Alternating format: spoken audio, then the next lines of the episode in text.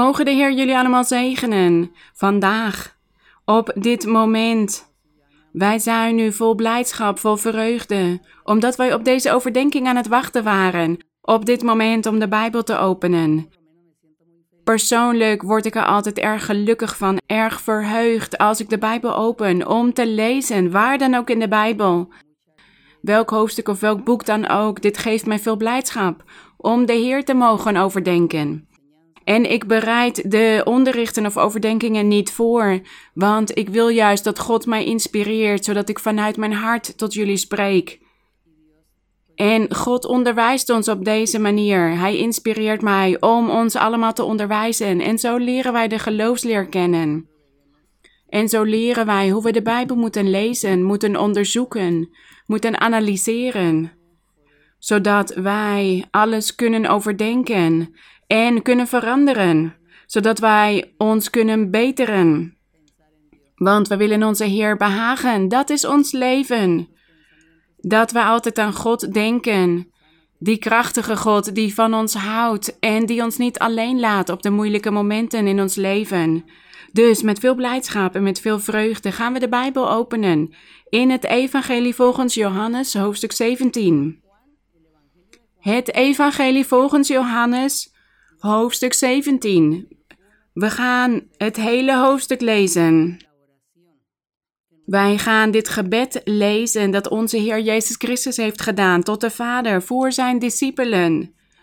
Dagen voordat hij gekruisigd zou worden op het kruis van Golgotha. De Heer wist dat hij weg zou moeten gaan van de aarde. Hij wist dat hij weer die heerlijkheid in moest gaan, die woning die hij had verlaten.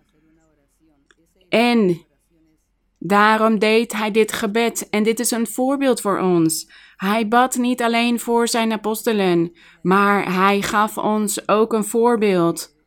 Hoe wij horen te bidden tot onze God, zodat onze gebeden verhoord worden, zodat God naar ons luistert. En dat Hij in overeenstemming met Zijn wil in ons leven begint te handelen. En wij gaan dus vele mooie voorbeelden vinden vandaag om tot God te kunnen bidden. Vers 1 van hoofdstuk 17. Dit sprak Jezus en hij sloeg zijn ogen op naar de hemel en zei: Vader, het uur is gekomen. Oftewel, het uur dat hij opgeofferd moest worden op het kruis van Golgotha. Hij moest sterven. Maar daarna zou hij opstaan. En, maar nadat hij zou opstaan uit de dood, moest hij in die heerlijkheid zijn. Hij kon niet meer op de aarde blijven met de mensen. Daarom zei hij: Vader, het uur is gekomen dat ik weg moet gaan. Verheerlijk uw zoon, opdat ook uw zoon u verheerlijkt. Zoals u hem macht gegeven hebt over alle vlees oftewel over alle mensen, opdat Hij eeuwig leven geeft aan allen die u Hem gegeven hebt. Dus hier staat dat God de personen die verlost zouden worden aan de Heer Jezus had gegeven. En wij hebben allemaal die hoop op verlossing. Wij hopen ook bij die mensen te horen en de apostel Paulus zei ook, in een stadion rent iedereen als ze een wedstrijd doen. Iedereen wil het einddoel bereiken. En zo ook wij. Wij willen ook dit einddoel bereiken en wij willen ook een van die uitverkorenen van God zijn. En hier staat dus, zoals u hem macht gegeven hebt over alle vlees, opdat hij eeuwig leven geeft aan allen die u hem gegeven hebt. En dit is het eeuwige leven, dat zij u kennen, de enige waarachtige God en Jezus Christus die u gezonden hebt.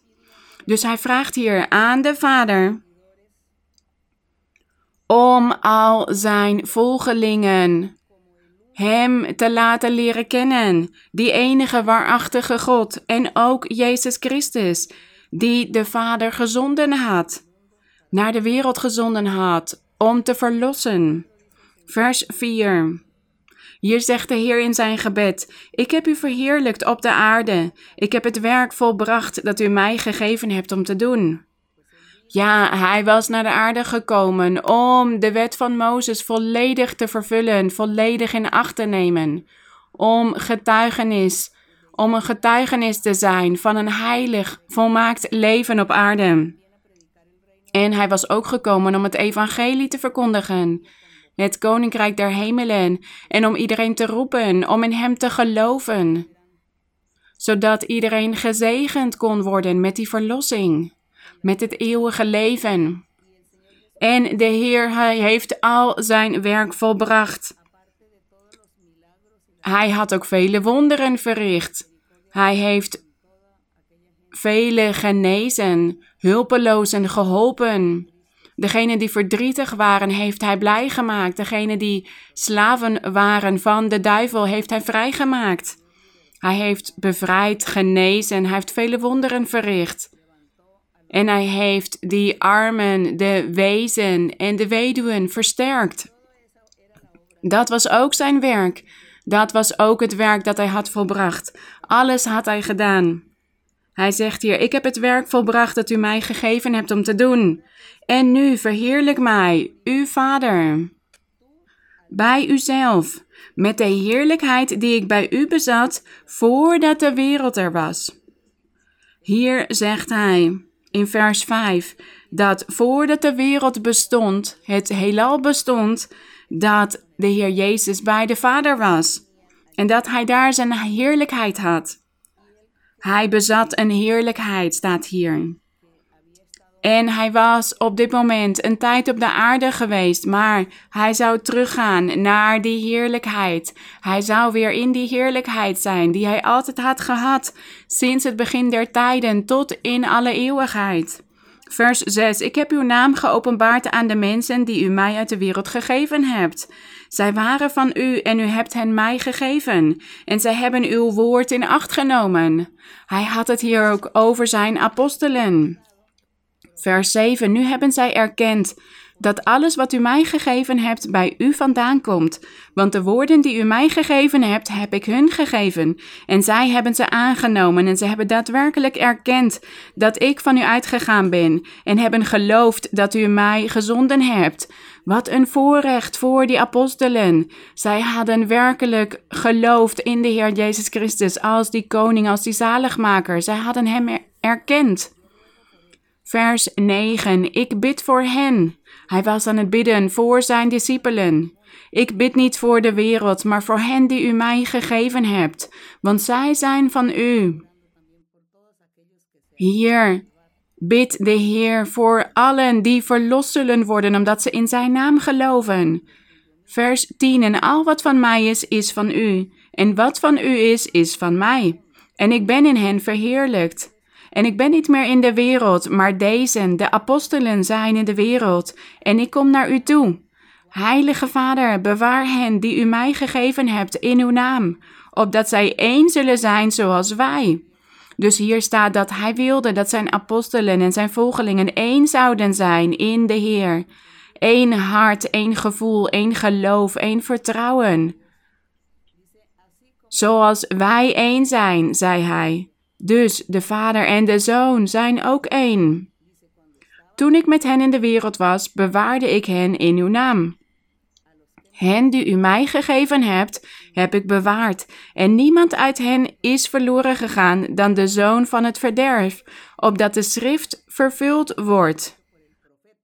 Hier gaat het over Psalm 41, vers 10 waarin staat dat de zoon van het verderf verloren was gegaan. En het ging hier over Judas de Iscariot, die de Heer had verkocht of verraden. En hier staat dus dat de Heer iedereen had bewaard, behalve diegene die verloren moest gaan, want God had dit zo gezegd door middel van de profeten. Bij monden van de profeten had hij gezegd dat er een zoon van het verderf zou zijn, die de Heer zou verraden. Dus zo is ook de schrift vervuld. En de Heer gaat verder in zijn gebed in vers 13. Maar nu kom ik naar u toe en spreek dit in de wereld, opdat zij ten volle mijn blijdschap in zichzelf hebben. Ik heb hun uw woord gegeven. En de wereld heeft hen gehaat, omdat zij niet van de wereld zijn, zoals ik niet van de wereld ben. De Heer heeft het hier over zijn apostelen en zijn discipelen en al zijn volgelingen. Dat zij niet van de wereld zouden zijn. Ze zouden wel in de wereld wonen, maar ze zouden niet van de wereld zijn. Ze zouden van onze God zijn. En dit lijkt erg op het onderricht dat wij kort geleden hebben gegeven over het lijden van een geestelijk leven. En niet van een werelds materieel leven, maar een geestelijk leven met God. En wat de Heer hier zegt, lijkt daar erg op. Hij zei: Ze zijn niet van de wereld, ze zijn wel in de wereld, maar ze zijn niet van de wereld, zoals ik niet van de wereld ben. Zij leiden een geestelijk leven op deze wereld, maar een geestelijk leven met onze God. Vers 15: Ik bid niet dat u hen uit de wereld wegneemt, maar dat u hen bewaart voor de boze.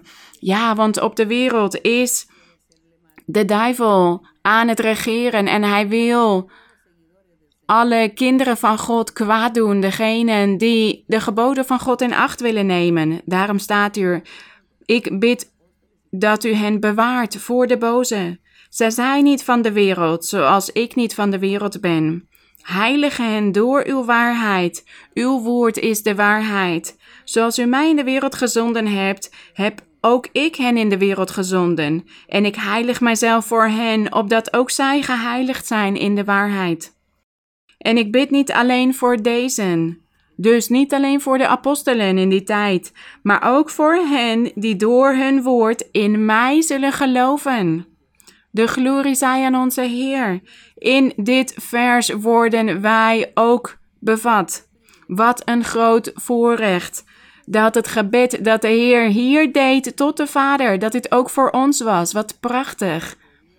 Onze God heeft naar dit gebed geluisterd en hij heeft dit verzoek van de Heer vervuld. Door de eeuwen heen. Gezegend zij de naam van onze Heer. En ik ga dit vers herhalen, vers 20. En ik bid niet alleen voor deze, voor de apostelen, maar ook voor hen die door hun woord, dus die door de verkondiging van de apostelen, in mij zullen geloven. Opdat zij allen één zullen zijn, zoals u, Vader, in mij en ik in u.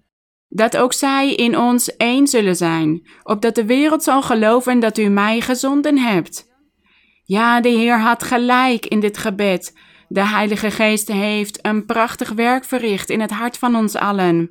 Dit is een groot voorrecht dat wij één mogen zijn. Vers 22. En ik heb hun de heerlijkheid gegeven die u mij gegeven hebt, opdat zij één zijn, zoals wij één zijn. Ik in hen en u in mij, opdat zij volmaakt één zijn, en opdat de wereld erkent dat u mij gezonden hebt en hen liefgehad hebt, zoals u mij hebt liefgehad. Wij danken onze God. Wat een prachtige versen, wat een prachtig gebed. Dat de Heer en de Vader één zijn.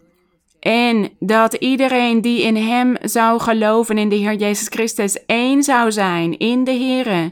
En dat Hij hen altijd heeft liefgehad en altijd heeft gezegend. En daarom herhaal ik, wat een groot voorrecht dat God naar ons omkijkt. Dat Hij op ons let en voor ons zorgt. Maar het mooiste is dat wij ook met ons hart van God houden, dat wij Hem ook lief hebben.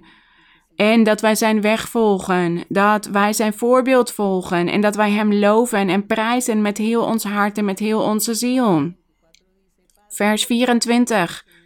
Vader, ik wil dat waar ik ben, ook zij bij mij zijn die U mij gegeven hebt. Daar, in die zegeningen, in de heerlijkheid, in het allerbeste, het allermooiste. Hij wil dat daar zijn volgelingen ook kunnen zijn. Ja, de Heer spreekt hier over dit paradijs, over een prachtige stad, over die prachtige stad die God voorbereid heeft voor de toekomst, nadat deze wereld niet meer bestaat. En wij danken onze God. Wij hopen met heel ons hart dat God ons helpt om door te gaan tot op de laatste dag van ons leven, zodat wij ook deze prachtige beloften kunnen bereiken. En hier staat, opdat zij mijn heerlijkheid zien. Ja, wij willen de heerlijkheid van de Heer zien, die u mij gegeven hebt, opdat u mij hebt liefgehad voor de grondlegging van de wereld. Rechtvaardige Vader, de wereld heeft u niet gekend, maar ik heb u gekend. En deze hebben erkend dat u mij gezonden hebt. En ik heb hun uw naam bekendgemaakt en zal die bekendmaken, opdat de liefde waarmee u mij hebt liefgehad in hen is en ik in hen. Wat een prachtig gebed, wat een prachtig verzoek van de Heer Jezus Christus aan de Vader. Dat al zijn apostelen en volgelingen, en daar horen wij nu ook bij, dat wij mogen genieten van die heerlijkheid van onze God, van de aanwezigheid van onze God en dat wij geleid mogen worden door de Heilige Geest. Daar danken wij onze Vader voor. En daarom nodig ik jullie uit om niet meer te twijfelen. Wees niet langer besluiteloos. Maar neem een besluit voor jullie leven, een zeker besluit om de voetstappen van onze Heer te volgen, de ware weg van onze God, zodat wij in die eeuwigheid bij Hem kunnen zijn, om ons te verheugen. En daarom nodig ik jullie uit om de Bijbel te lezen. Overdenk de Bijbel. Analyseer de Bijbel en neem een besluit voor jullie leven. Bid tot God. Spreek tot God, want jullie hebben hier gezien in dit gebed dat bidden tot God, praten met God is. De Heer was aan het praten met God, hij was aan het spreken en hij vertelde over zijn verlangens zodat God hem zijn verlangen zou vervullen. Hieruit leren wij te bidden, hoe wij tot God kunnen spreken. Dus lees de Bijbel en volg deze weg van de volmaaktheid. Die leidt tot het eeuwige leven, want Hij is op ons aan het wachten. Hij wacht op ons. Dus dit is onze uitnodiging voor jullie vandaag. Geloof en vertrouw erop en hoop erop dat u op een gegeven moment in het eeuwige leven zal zijn met God, omdat jullie eenvoudig en nederig van hart zullen zijn en de Heer zullen aannemen. Wees standvastig, aarzel niet en sta niet stil. Mogen de Heer jullie zegenen. Laten we gaan bidden tot onze God. Laten we Hem onze verzoeken vertellen en laten we ook bidden voor genezing. Gezegende God, krachtige God, Vader van onze Heer Jezus Christus. Wij danken u voor deze prachtige woorden, voor dit prachtige gebed dat de Heer Jezus Christus in uw aanwezigheid heeft gedaan. Dit is wat u ons onderwijst, zodat wij tot u kunnen spreken elke dag weer. We danken u, mijn Heer. De Heer was zelf voor ons aan het bidden en u heeft dit gebed aangenomen. Vader, Heilige Vader, wij willen uw weg volgen, wij willen door blijven gaan. Volhouden, mijn Heer, standvastig zijn. Wij willen uw wil doen, wij willen uw geboden in acht nemen. Wij willen u eren en loven en prijzen en verheerlijken. Gezegende God, wij danken u, wij danken u omdat u naar ons luistert en omdat u naar ons omkijkt. En omdat u onze gebeden verhoort. En wij vragen u, mijn Heer, om uw krachtige hand uit te strekken en in de naam van Jezus Christus, uw geliefde Zoon, te genezen, mijn Heer, en te bevrijden. Allen die ziek zijn, die verschillende ziekten hebben, psychische ziekten en fysieke ziekten. Neem ook hekserijen en toverijen weg. Breek die ketens van de duivel en vernietig het werk van het kwaad, vernietig die vervloekingen en geef genezing en reiniging. Zegening voor allen en geef rust aan elk lichaam, aan elke ziel. En kijk ook naar de materiële behoeften. Sommigen hebben geld nodig of een woning of kleding of voedsel. Anderen hebben werk nodig en anderen hebben schulden. Heer, geef in overvloed, mijn Heer. Denk aan iedereen en zegen en geef voorspoed. We danken u, mijn Heer, in de naam van Christus vragen wij u dit alles. De glorie en de eer zijn voor u tot in alle eeuwigheid. Amen. Wij danken onze Heer, de glorie zij aan u, mijn Heer, mijn Vader. Broeders en zusters, mogen God jullie allemaal groot zegenen en ik hou van jullie met heel mijn hart. En tot binnenkort.